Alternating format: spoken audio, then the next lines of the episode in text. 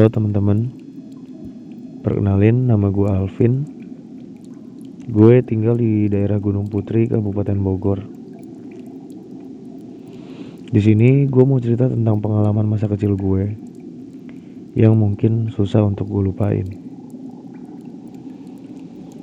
Kejadian ini terjadi di sekitar tahun 2003 sampai 2006. Gue lupa persisnya di tahun berapa, karena gue juga masih kecil. Jadi pada saat itu ceritanya bokap gue dan nyokap gue itu punya satu lahan.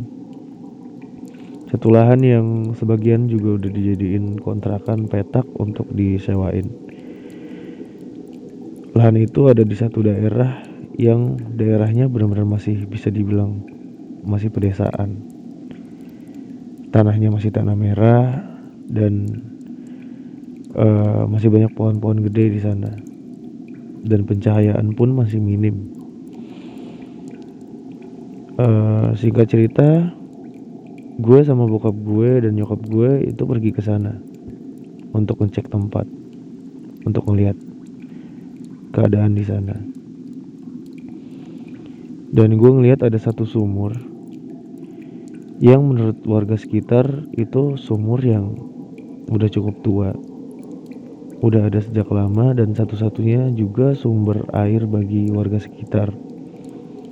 Dan menurut warga sekitar juga sumur itu lumayan angker. Letak sumur itu nggak jauh dari lahan bokap gue. Jadi kalau kita mau ke sana pasti ngelewatin sumur ini. Satu-satunya jalan menuju tempat itu. Nah, selama gue ke tempat itu atau di tempat itu itu gue ngerasa kayak gue selalu nengok ke arah sumur ini. Gue ngerasa kayak kayak ada yang ngeliatin gue gitu loh. Kayak lo lo pernah ngerasa gak sih kayak kalau misalkan lo diliatin sama orang lain lo pasti ngerasa gitu loh. Lo pasti langsung nengok. Dan itu gue itu gue rasa kayak ada orang kayak ada orang yang ngeliatin gue di dari sumur itu. Dan gue pasti selalu nengok ke sumur itu. Tapi pas gue lihat nggak ada. Akhirnya ya udahlah gue pikir gue lupain. 15 menit kemudian gue juga gue ngerasa lagi gitu. Gue ngerasa lagi kayak ada yang ngeliatin gue gue tengok lagi ke sumur itu dan ternyata bener.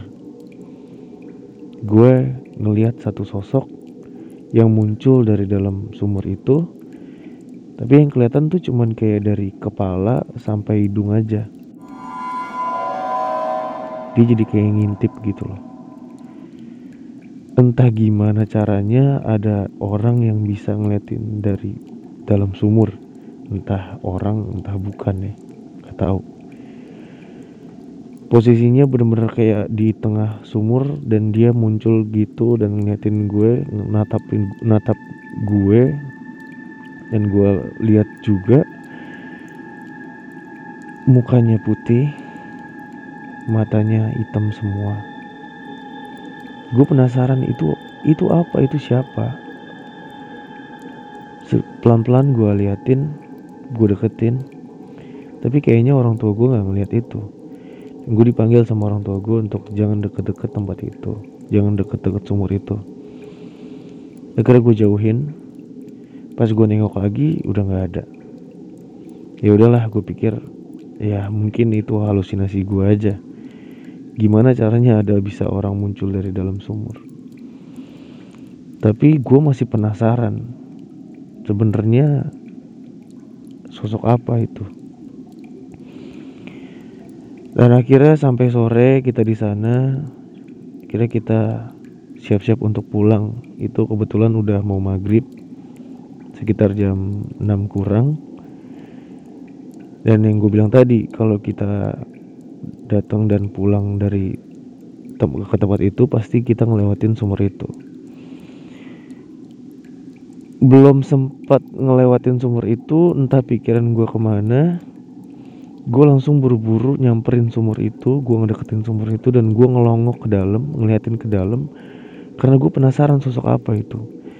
Tapi tangan yang gue senderin ke dinding sumur ini yang cuman dibuat dari batu bata ditumpuk itu ternyata roboh. Dan gue ngerasa kayak ada yang narik gue masuk ke dalam sumur itu. Dan bener lah akhirnya gue masuk ke sumur itu gue jatuh ke sumur itu. Sumur yang dalamnya 16 meter dengan permukaan air di bawah tanah sedalam 7 meter. Lo bayangin sepanik apa itu orang tua gue dan gue ngelihat muka orang tua gue dari bawah gue liatin dari lubang sumur itu dari atas sumur itu. Gue bener-bener nangis gue bener-bener kaget. Kejadiannya bener-bener cepet banget. Karena gue nggak tahu kalau ternyata gue bisa masuk ke situ gitu dan akhirnya ada yang ada satu sosok yang nolong gue.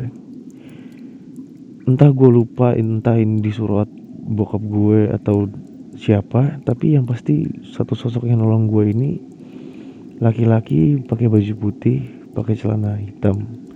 Cuman gue nggak tahu mukanya kayak gimana. Gue nggak ngeliat persis mukanya kayak gimana. Akhirnya gue ditolong lah gue gue keluar dari sumur itu badan gue basah kuyup kepala gue benjol-benjol karena uh, kejedot dinding-dinding sumur ini. Akhirnya gue dibawa pulang.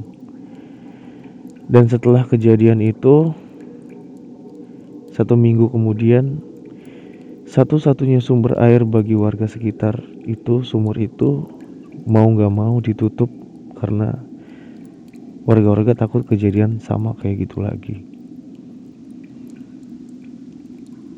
Mungkin segitu aja cerita gue. Tapi yang pasti setelah kejadian itu banyak kejadian-kejadian lain yang akhirnya muncul di masa kecil gue.